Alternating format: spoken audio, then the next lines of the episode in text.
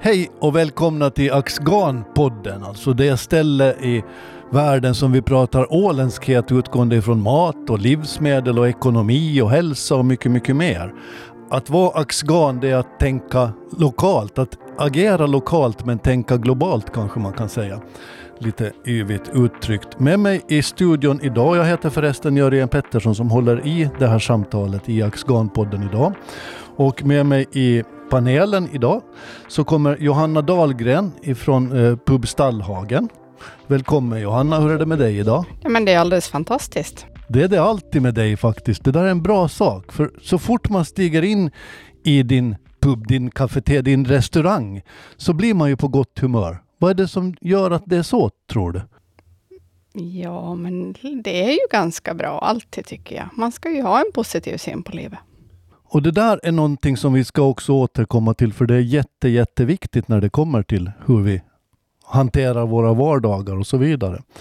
Eh, med oss idag har vi också Mattias Kumlin, kallad Masse. Välkommen!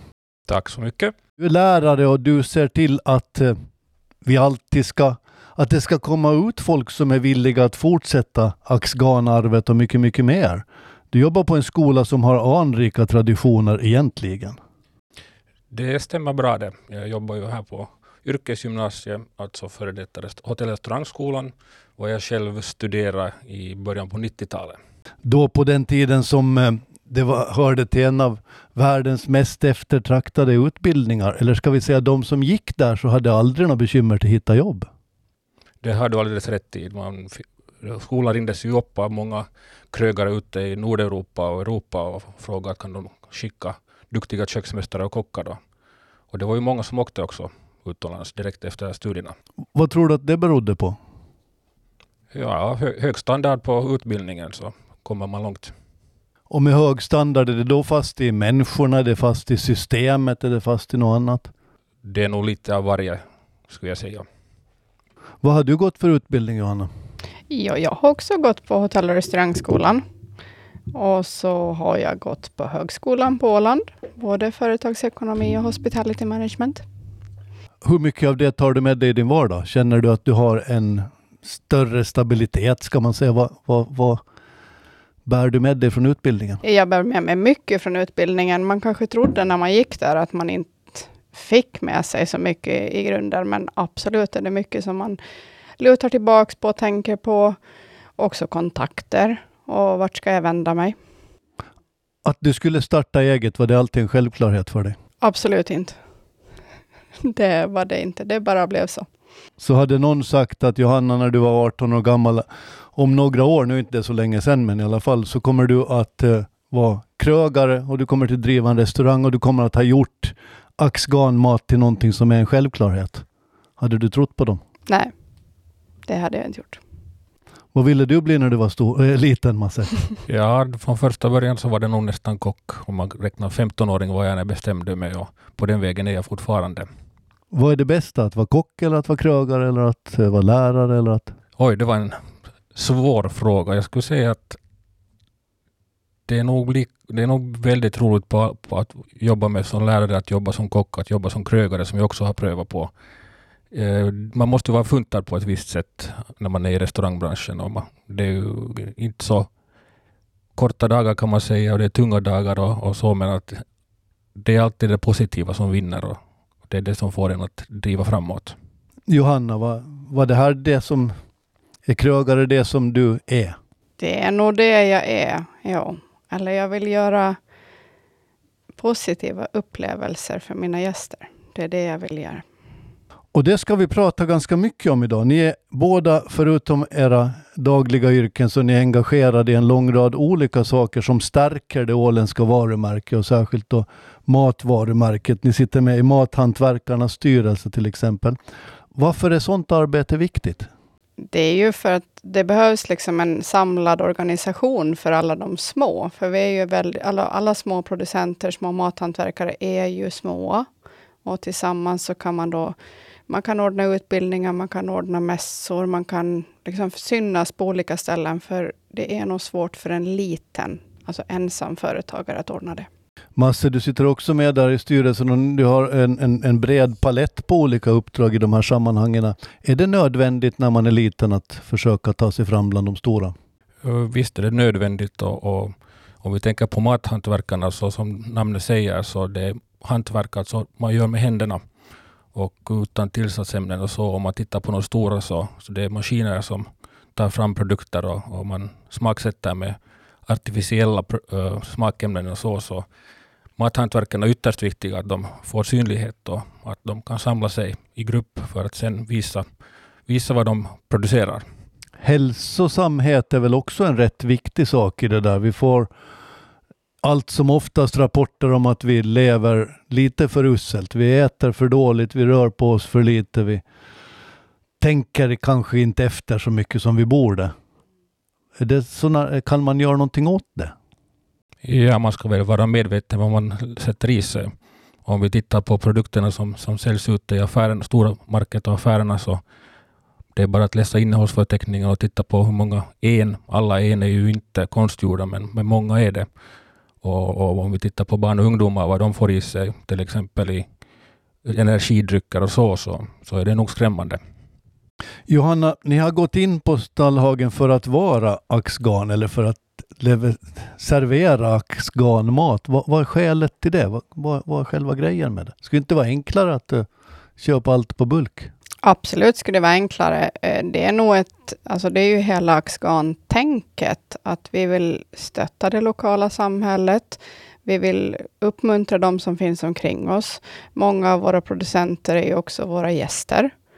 Och det, vi hjälper varandra. Ingen är stark ensam. Liksom. Det är ett kretsloppstänk i vardagen alltså. Ni är en del av en helhet. Absolut, så är det. Och sen är det ju det är liksom, det ska ju vara gott också. Att jag känner att man ska köpa de som verkligen lyckas med att, att producera bra råvaror. Det är viktigt.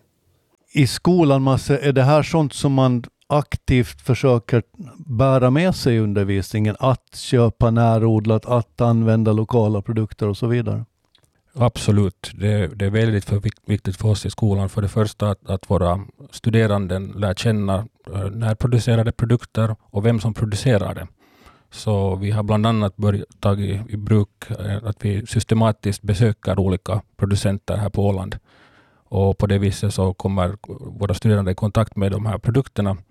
Och också i undervisning så är det väldigt viktigt att vi använder främst åländska produkter. Nu ska vi komma ihåg att vi utbildar kockar som behöver eh, eh, kunskap på, på ett brett område. Så det går ju inte alltid att använda sig bara av åländska produkter. Men en stor del är närproducerat. Och det där är väl en ganska viktig sak i det hela. Man ska, som vi inledde med, eh, tänka lokalt och globalt samtidigt. För vi är ju ändå en del av världen, så fungerar ju det med handelssystem och allt möjligt. Har du problem med att hitta axganprodukter, Johanna, till din både ja och nej. Vissa saker finns det ju väldigt mycket av och sen är det ju också väldigt säsongsbetonat. Och sen finns det också reglementen som gör att det kan bli svårare. Fisk är ju svårt. Fast man, vi bor på en ö så är fisk svårt. Så att både ja och nej svarar jag på den. Mm. Mm. Vad ser du som de största utmaningarna när det gäller att hitta råvaror? Massa? No, Johanna nämnde en bra grej här som var säsong, säsongsbetonat och säsongstänk och, och, det måste man ju göra. Men eh, sen kan man ju ta tillvara på väldigt mycket produkter också som växer på sommar och höstar och det är något som vi också på skolan har försökt införa med att pickla och, och fermentera och så bortåt. Så man klarar sig nog ganska långt året om på, på åländska produkter. Ni lyfter den åländska smaken. Vad, vad är den enligt er? Hur, hur, känner ni, hur känner ni den åländska smaken? För mig är den ren. Den är ren och ärlig. Det är smaken. Rent och ärligt. Vidareutveckla, hur tänker du? Nej, men det är att ett äpple smakar ett äpple. En, och det finns liksom inte... Det finns en ren och genuin djup smak i det vi har. Våra djur som betar ut eller får äta gräs, hö, de får ju en örtig smak. Och det finns liksom djupa, men det är samma sak med mejeriprodukterna. De har också liksom en riktigt god smak. Det åländska smöret måste vi återkomma till för det är ju någonting som är sensationellt även i köksvärlden internationellt. Men vad är åländsk smak för dig Masse? Jag kan nog nästan bara kompa Johanna här att det är just den där rena, rena smaker och, och med tanke på, på vad de här till exempel fåren och, och korna, vad de, när de betar, vad de får i sig. Så det, det är klart att det sätter spår i kvaliteten på, på kött och mjölkprodukter. Så det är en väldigt hög kvalitet. Om det är axganfest då Johanna, vad står det på ditt bord? Du faktiskt får välja. Du behöver inte fundera så mycket på efter tillgång och, och, och sånt här, utan bara vad du verkligen njuter av. Abborre. Abborre. Mm. I grädde. Panerar du? Jag vänder den i mjöl. Bara det, inget ägg eller något sånt här, utan bara vänder det i mjöl och sen steker det. Och så häller man grädde på. Jag måste fråga, citronpeppar eller svartpeppar? Ingen peppar. Utan bara salt? Yes. Det är det axganska för dig? Ja. Pressad potatis? Ny potatis. Ny potatis till, just det. Med smör och dill eller gräslök, alltså gräslök från skären. Det är så rent det nästan någonsin kan vara på Ahvenanmaa som vi ofta kallas i Finland. Smör, eh, mjöl, vänd abborre stekt i åländskt smör med ny potatis till och dill och lite gräslök. Mm. Sen är man med. Sen är man med. Masse, vad är det åländska för dig? Nu får man ju inte kopiera, det är omöjligt tyvärr. För mig eh, står lamme, åländska lamme väldigt nära hjärtat. Jag flyttade till Åland här för fyra år sedan ungefär och, och ett tiotal år, tio år ungefär innan jag kom hit så har jag använt bara det åländska lammet när vi pratar lamm. Väldigt hög kvalitet och, och eh, det är så fint eh, att till exempel grilla på sommaren och, och, man behöver inte smaksätta det så mycket utan bara lite örtsmör och åländska smöret förstås. Och så, så att eh, lammet står mig väldigt, väldigt nära. Vad tar man till det? Också ny potatis eftersom det är säsong eller? Det börjar närma sig middagstid som ni kanske märker. Jag blev en, jag blev en hungrig när Johanna räknade upp där. Så. Men ja, den åländska potatisen såklart. Och sen finns det ju massor med örter i, ute i naturen som man kan plocka som vilda och så. så. Det kan man svänga ihop en sallad till. Och allt det där är sånt som dessutom är extremt hälsosamt i vart fall i jämförelse med nästan allt annat. För där är det rätt få e-medel, eller hur? Mm. Väldigt få, ja. Ja. Varför använder man e-medel? Ja, det är ju smakförstärkare bland annat och sen vissa är ju beroendeframkallande som man lägger med i olika produkter för att människan ska köpa mera förstås och konsumera av den, den produkten. Men det där man vill förstärka smaker är en stor orsak. Eftersom smakerna inte räcker till att bära sig själva? De, de är så väldigt processerade de här produkterna så, så därför måste man få till det på något vis. Det där är ett rätt starkt argument för att man ska äta åländsk mat om man slipper processerna. Mm. Absolut. Det åländska smöret det nämns i alla möjliga sammanhang och nu har ni båda lyft fram det här. vad är det som gör det så speciellt? Ja, det, dels så har vi, vi har en otroligt bra mjölk som är grunden till smöret. Och sen är det så att vårt mejeri, de kärnar ju smöret liksom traditionellt, om man säger, fast inte riktigt sådär med en smörkärna, men de har ju en maskin som jag har förstått att det är från 50-talet, som de använder för att göra sitt smör i. Och tvättar det då helt, medan de industriella gör det på ett helt annat vis. Jag tror ju att det, det kallas för en smörvagga. Mm. Och, och sen på ett industriellt sätt så har de smörkanoner som de tillverkar det här och då ändrar det på, på smörstrukturen och smaken ganska rejält. Mm. Smör och mjölk har vi lyft här och det vet alla att det är skillnad om man dricker den åländska OCA-mjölken eller till exempel den, den, den rikssvenska varianten. Man, man känner ju skillnaden. Mm. Det gör man. Finns det något alternativ till åländsk mjölk enligt din mening i köket, Johanna? Nej. Jag instämmer här. Nej. Och på skolan använder vi självfallet bara OCAs produkter. En annan sån råvara som alla använder och som man kanske inte riktigt uppskattar så mycket som man borde är ju ägg. Och, och nu vet, nu, nu är jag faktiskt okapabel att göra en jämförelse för jag tror att jag sällan har ätit annat än åländska ägg. Men det finns de som säger att de är godare. Mm. Än andra av skäl som jag inte riktigt förstår. Men det kan ju ha säkert med foder att göra också. Johanna, du som har koll på sånt här. Ja, det är ju så att de får ju de, alltså hönsfarmarna på Åland, så de blandar ju sitt eget foder och det är ju säd som är lokalt producerat, oftast från grannen eller eget. Så att ja, de åländska äggen är godare. Och att de är frigående hönsen, det behöver man inte ens säga, för så fungerar det här. Ja.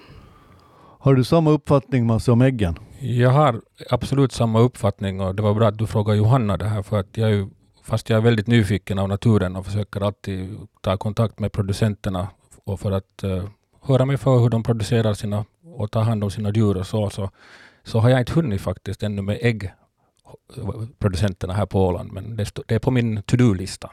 Ni kan räkna med ett besök från Masse, ge honom ert allra bästa just då. Det här som vi nu pratar om handlar om storytellingen, alltså att man berättar vad som faktiskt är fördelarna. Och det där kan man ibland glömma bort att göra eftersom allt blir så självklart på något sätt. Uh, I din restaurang Johanna så har ni varit rätt noga med att säga att det här är åländska alternativ. Får ni gehör för det? Det får vi ju och det är ju lite, jag brukar säga att vi har ju lite olika gästgrupper och det ena är ju liksom våra lokala och sen har vi ju inresta. Och det är ju nog, ibland kan man ju glömma bort att berätta om det, det åländska och skryta även till de lokala, men det måste man ju liksom göra, eller skryta behöver man inte göra, man är ju stolt över det. Liksom. Var stolt över det, ja. det är det rätta. Ja, och eh, ibland blir man lite hemmablind om det också faktiskt, att man glömmer bort att berätta att det är lokalt. Men vi försöker nog. Masse, vad säger du? Ja, det är ju nog viktigt att komma ihåg att alltid påpeka, eller när det är åländskt, att det faktiskt är det. För att eh, i dagens läge så är det många som reser på grund av maten. Alltså de väljer sin destination på grund av maten.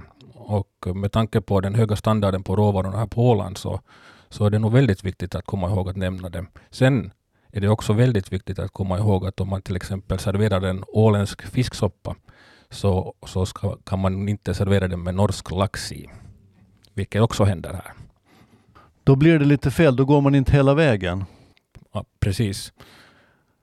Och det är någonting som vi poängterar också nu till våra studerande i skolan, att, att uh, ta reda på varifrån råvarorna härstammar och, och berätta om dem. Det här med storytelling är väldigt viktigt och, och det ger mervärde för också de gäster som, som äter eller som besöker Åland. När ni själva är restauranggäster, tycker ni att uh, våra restauranger så där generellt sett använder åländskheten som ett argument för att man ska gå dit och äta? Det har blivit mycket, mycket bättre, tycker jag. Nu har jag suttit med i Ny Nordisk Mat ett bra tag och vi har liksom brottats med den här frågan. Och tittar man tio år bakåt snart, får jag väl säga, så har det hänt otroligt mycket. Men det finns nog mycket kvar att göra. Som tur är. Som tur är, Annars ja. skulle det inte finnas så mycket mer. Vad säger du Masse, tycker du att du upplever det som att man är, lyfter fram det åländska? No, den här frågan kan nog säkert Johanna svara mycket bättre på. För som sagt, jag har bara tillbringat min tid här i fyra år, de senaste fyra åren. Men vad jag har hunnit med här på Åland och så tycker jag nog att jag kan hålla lugnt med Johanna. Det är rätt så bra faktiskt. Det kan alltid bli bättre men det är nog många många restauranger som, som kan servera någonting åländskt i alla fall. Om inte allting så någon portion. Om man sätter det här i perspektiv, säg 10 eller 20 år tillbaks i tiden. Nu är jag en konsument som har hängt med åtminstone så länge och nu ser man ju som gäst att det har ändrats väldigt mycket. Om man förr köpte stekt biff med lök och potatis så får man idag reda på var biffen är vuxen och möjligen varifrån potatisen kommer och hur eh, såsen är tillagad. Det där stärker ju upplevelsen. Det är roligare att gå på restaurang då. Absolut. För då har man en snackis under tiden. Och restaurangbesök ska ju vara mer än att bli mätt. Absolut är det så. Det är en upplevelse. Det är inte bara en mål måltid. Men tänk vad konstigt, man har alltid sagt att mat äter man inte bara med munnen utan lika mycket med ögat. Men det man inte har sagt är att man pratar ju, man, man, har ju, man har ju alla sinnen med. Det är ju inte bara mun och ögon. Det är hjärna, det är social samvaro, det är så mycket mer. Det stämmer det och, och sen måste vi komma ihåg att, att eh, det finns ju mycket såna psykologiska grejer med mat också, hur det triggar hjärnan och så till exempel. Om du har en portion som är väldigt mjuk och så, så, så ja, den kanske är god men den väcker inget intresse kanske. Men om du får något crunchy i det så piggar det upp din hjärna och du direkt börjar, tänka på, maten på ett helt annat vis.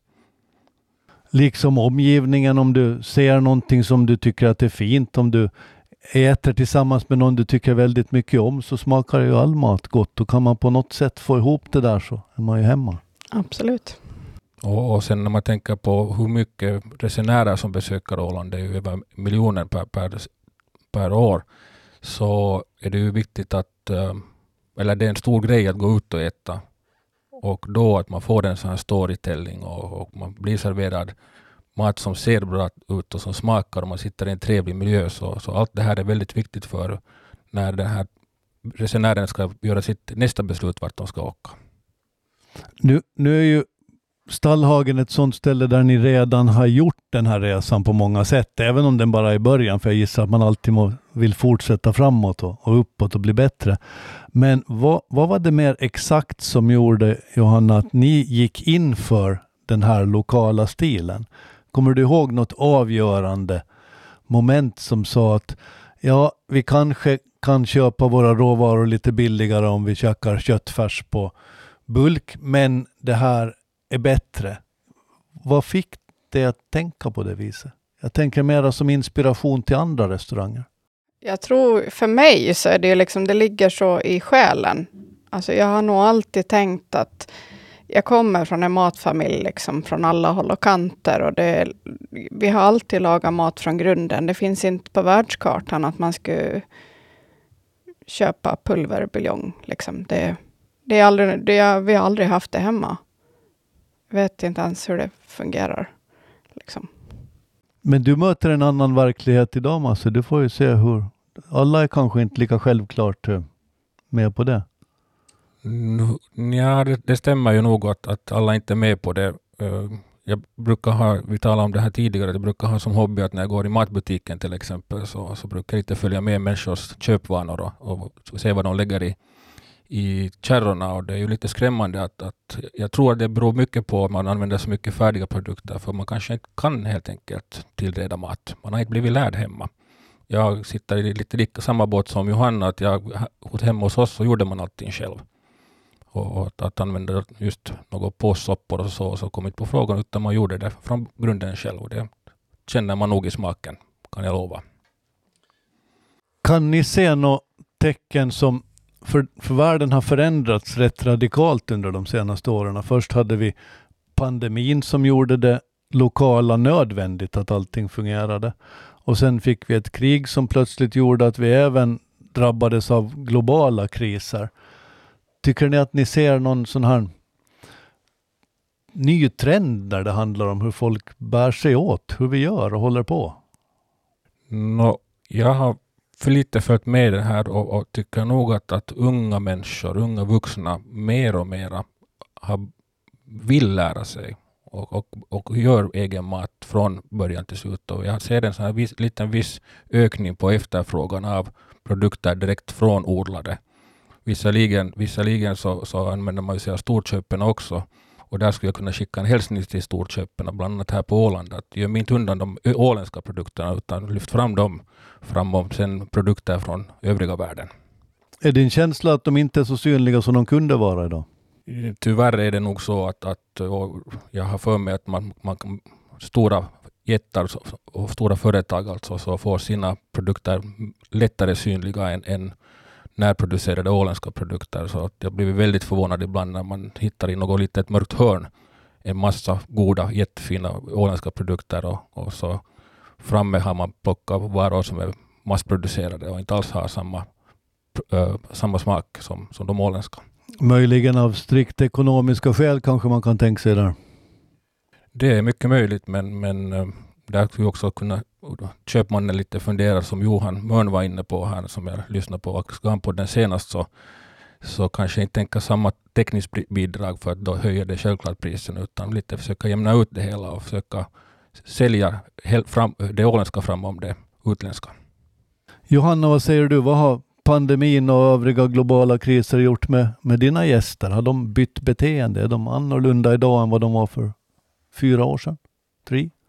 Mm, ja, det finns ju en, alltså tittar vi på pandemin så är ju folk glada att gå ut, att få umgås och få äta tillsammans nu efteråt, liksom att man får umgås, det är ju jättetrevligt. De övriga kriserna har gjort att man kanske tittar mer på vad man äter och hur ofta man går ut och äter. Och det är väl kanske mera en oro som jag har, att, eller som jag tror att hela branschen har. Dels att krisen gör att man inte går ut lika ofta och det blir eh, en mindre efterfrågan på de lokala råvarorna, vilket gör att det blir en mindre produktion. Och det är jag lite orolig för, att vi kommer att få en minskad tillgång på råvaror. Att man stör kretsloppet om man... Precis, att det, det liksom vi behöver ha, nu om någonsin, så behöver vi köpa lokalt. För vi behöver stödja de som finns här, så att vi får ekonomin att rulla på Åland. Och det där sitter ihop. Det är restaurangerna som drivs av det, det är alla producenter, det är öppna landskap, det är försäkringsbolag, det är underleverantörer, det är allting. Det är ju inte en lätt ekvation för en, för en krögare att, att få ihop det ekonomiskt, för vi vet ju hur, hur tajt det är. Så att uh, köpa lokalt så är kanske inte alltid en självklarhet. Och, och då är det ju så att det lokala kan till och med vara lite dyrare och då är det inte en möjlighet heller. Så det är en otrolig balansgång det där att få ihop det.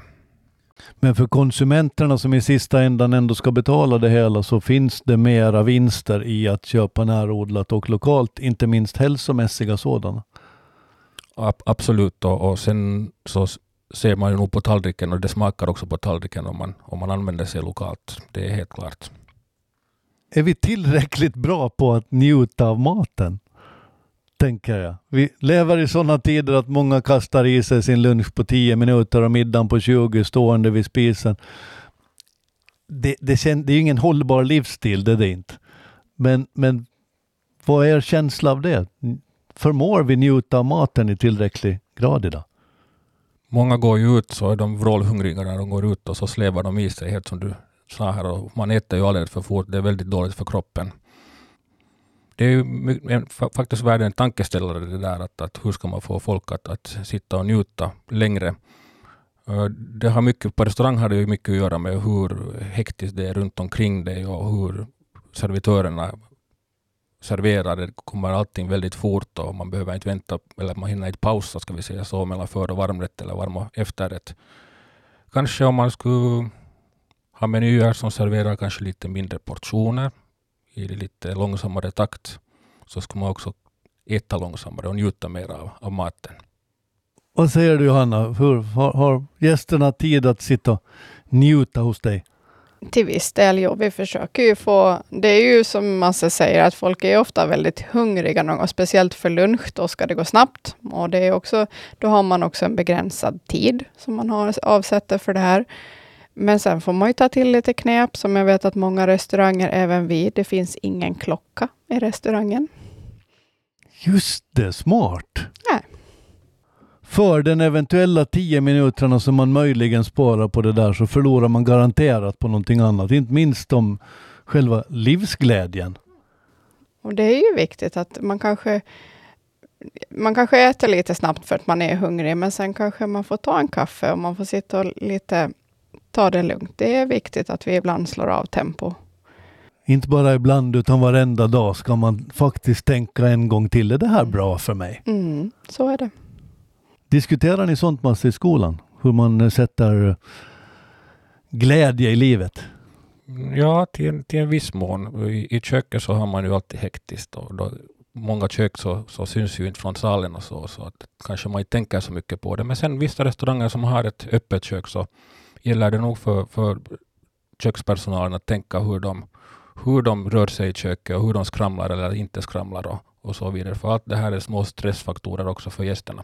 Kommer du in till exempel i en restaurangsal som är fullsatt och, och kyparna springer kors och tvärs och, och ropar och så här, så då blir det ett stressmoment också för, för gästerna om man känner sig att jaha, jag ska snabbt in och äta snabbt och så ska jag snabbt ut för att här är det bråttom.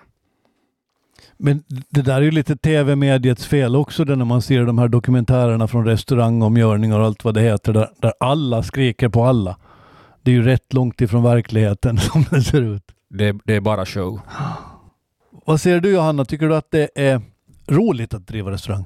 Det är jätteroligt. Det är ju, det är, ja, jag skulle inte vilja göra något annat. Det är ju liksom, man får ge glädje, man, det är god mat, det är, och det är hektiskt under vissa perioder, men på samma gång så är det någonting som man liksom också lite längtar efter. Nu är vi ju inne i årets absolut lugnaste period.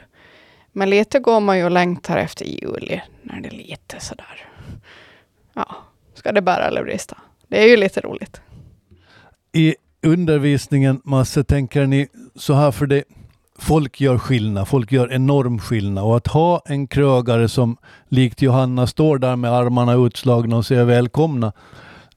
Det måste ju vara en av de viktigaste sakerna för att bedriva ett framgångsrikt yrkesliv. Jag visste du så och just det här att man stå med öppna armar och på gott humör och välkomna sina gäster så det är ju A och O för att, för att driva en, en successiv, att ha en bra fin krogverksamhet. Och det poängteras ju nog åt våra studerande också. Och, och det är ju sist och slutligen lite show och det är väl det livet handlar om. Mm. Tenderar vi inte lite till ta oss på för stort allvar mellan varven? Jo, det gör vi nog. det gör vi nog. Att man tror att allting ska måste vara så allvarligt när det inte ska måste vara det. Det handlar ju sist och slutligen om att man ska vara lycklig så gott det går och att man ska få go god mat i lämpliga mängder. Mm. Så, så är det ju.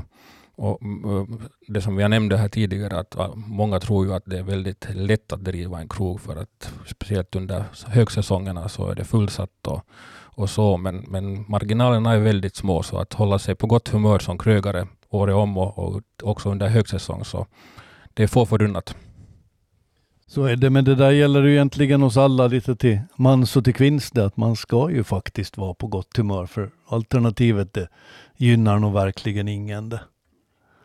Vad ser du fram emot säsongen som kommer, Johanna? Vad är den största grejen här? Ja, det är liv och rörelse igen. Sommar och sol. Liksom, det är väl det man längtar efter nu. Lite stabilitet tror jag väl att alla längtar efter också i både restaurangvärlden och övriga världen. Att vi får liksom lite stabilt. På något vis så känns det alltid som att sommaren är stabil, även vad som händer runt omkring. Så solen lyser och fåglarna kvittrar och, och sådär. Och varje januari och februari så tänker man att hur ska det här gå? det, det, är lite som när man vaknar i varje timmen på nätterna och tänker att nu är det nära jordens undergång. Och sen när morgonsolen kommer så då är det som det ska igen. Precis. Mats, hur ser det ut för dina elever som ni har där i skolan just nu? Har de, kommer de till, till ha gott om arbete i sommar? Det kommer de med garanti. Jag kan nog, vågar nog påstå att alla får ett jobb om de, om de bara söker och håller sig i, branschen så kan jag nog garantera det åt dem. Det är ju sån drive på här på Åland med, med alla turister och andra resenärer så det får de säkert. Vad ser du själv eh, mest fram emot?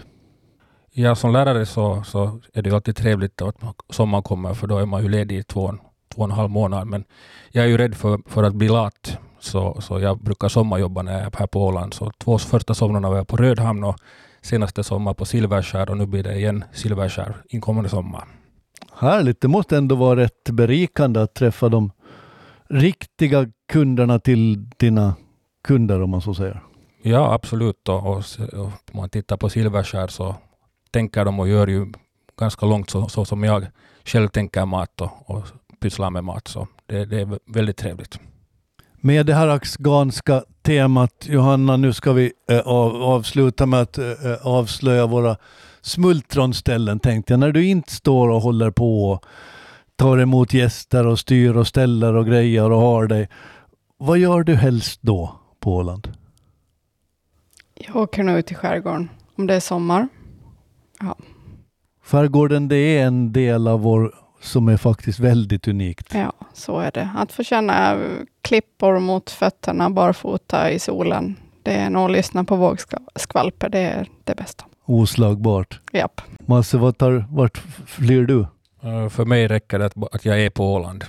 Det är ingen skillnad om jag är i skogen på Åland eller på klipporna eller ute i skärgården så, så räcker det bra till. Där måste jag bara, eftersom jag är en nyfiken själ, hu- hur har du upplevt de här fyra åren på Åland? Vad, vad, vad skulle du säga? Oj. Det, det är så mycket som, som man borde få säga och, och, och så, och så. Men när jag flyttade hit hösten 2019 så, så tog jag emot ett vikariat och jag tänkte att det här blir en kort, kort period på Åland vad jag en gång studerade själv i tiderna och, och hur det nu sen blev så på den vägen är jag. Och eh, jag skulle ju nog inte byta, byta en dag här på Åland för att eh, jag gillar ju sättet och stilen på, på folket här och man blir väldigt gott mot, mottagen och uh, har fått väldigt, jag kommer väldigt lätt in i, också i, i det här med mat, matgänget här på Åland så jag stortrivs. Det där är ju som musik i våra öron det Johanna. Absolut. Det är som är lite mer, som är liksom infödingar här för det bästa som finns är när folk flyttar in till Åland. Det kommer in influenser, det kommer knowledge, det kommer erfarenheter, andra perspektiv, allt sånt som får oss alla att växa lite. Så är det. Ja, man, man blir ju rätt hemmablind. Jag menar, vi har talat mycket i olika smågrupper om det här till exempel, att, att vad är det här med storytelling? Att vad ska man riktigt berätta eller vad ska man göra med turisterna som kommer hit och så. så för många räcker det att, att man tar ut dem i blå, blåbärsskogen och så kan man berätta någon rolig grej eller så. så det, det, det är den storytelling tillräckligt för, för många. Och om vi tittar på stadsborna, som, som alltså människor som bor i storstäder, så kanske barnen aldrig har varit ute i blåbärsskogen och plockat blåbär själv. Så mycket mer än så kanske man inte behöver heller. Jag hörde en historia som väl inte riktigt är säker på om den är sann, men den är säkert sannolik. Eh, en grupp eh, eh, amerikanska gäster kom senaste sommar och blev bjudna på Ålands pannkaka med vispgrädde och, och, och plommonkräm. Och, och av alla som serverades så lämnades ungefär hälften av portionerna och det där förstod inte riktigt värdarna för vem kan motstå vispgrädde Ålandspannkaka och, och, och plommonkräm? Det är ju omöjligt. Det finns ju ingen godare än det. Vid följande tillfälle när man fick en liknande grupp på samma sätt så då serverade man eh, likadana portioner men man berättade vad det handlade om. Mm. Man berättar om hela processen från, från det att, att eh, det har vuxit på åkrarna till att pannkakan låg på tallriken, hur kossorna producerade mjölken som producerade grädden som landade på tallriken och hur plommonsylten blev till. Och plötsligt kunde den enkla historien göra att alla tallrikarna var slickade. Mm. Absolut. Svårare än så behöver storytelling inte vara. Nej, människan har ju nog svårt för att sätta någonting i sin mun som den inte vet vad det är. Så, så det, gäller, det är nog bra att, att ber- berätta faktiskt vad, vad det är. Vilken mathistoria tycker du att är bäst? Vilken lyssnar dina gäster mest på Johanna? När du ska dra på någon, när du ska berätta någonting. Oj, jag måste lite suga på karamellen här. Jag måste, jag måste bolla till massor här emellan. det är, Det kom som en oförhappandes fråga helt utanför manuset, men det är sånt vi gör i Axgan-podden Ja. som ni nu lyssnar på. Jag kanske inte direkt någon story, men till exempel när vi presenterade maten på Silverskär förra sommaren och då hade vi mycket finska gäster också, så har vi köksmästaren Gustav som, som berättar då på, på svenska, eller åländska. Så berättar vad det är som serveras och så hoppar jag in sen och översätter det. Så när, när, när Gustav berättar så alla nickar och mm, mm, och sen när jag översätter och de faktiskt hör vad det är så blir de lite till sig. Och ett, bra exempel på det var här, var när vi hade rökt skarv. Ja. Och när de förstod att det faktiskt var skarv så blev de lite sådär. Men sen när jag övertygade dem att ni ska faktiskt smaka på det och sen var det någon som vågade smaka sig på det och sa att herregud vad vilka fantastiska smaker. Så där ska det gå till, det där är samarbete. Johanna, kommer du på någon sån här som de brukar fråga efter och så berättar du att den här grisen, just den. Jag tänker också mycket på, jag menar som vår, vår honungsöl. Det är många som liksom blir helt fascinerade över när man berättar om de åländska bina. Som är liksom på det viset världsunika.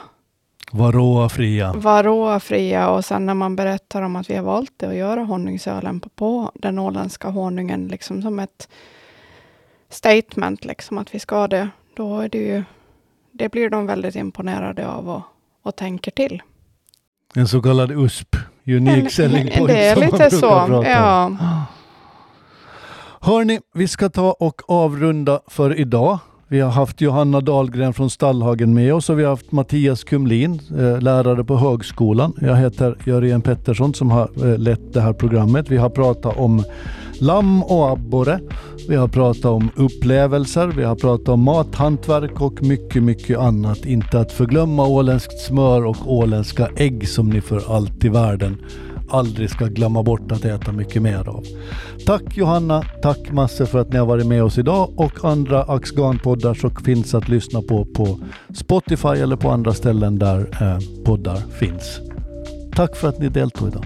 Tack så mycket. Tack så mycket. Tack.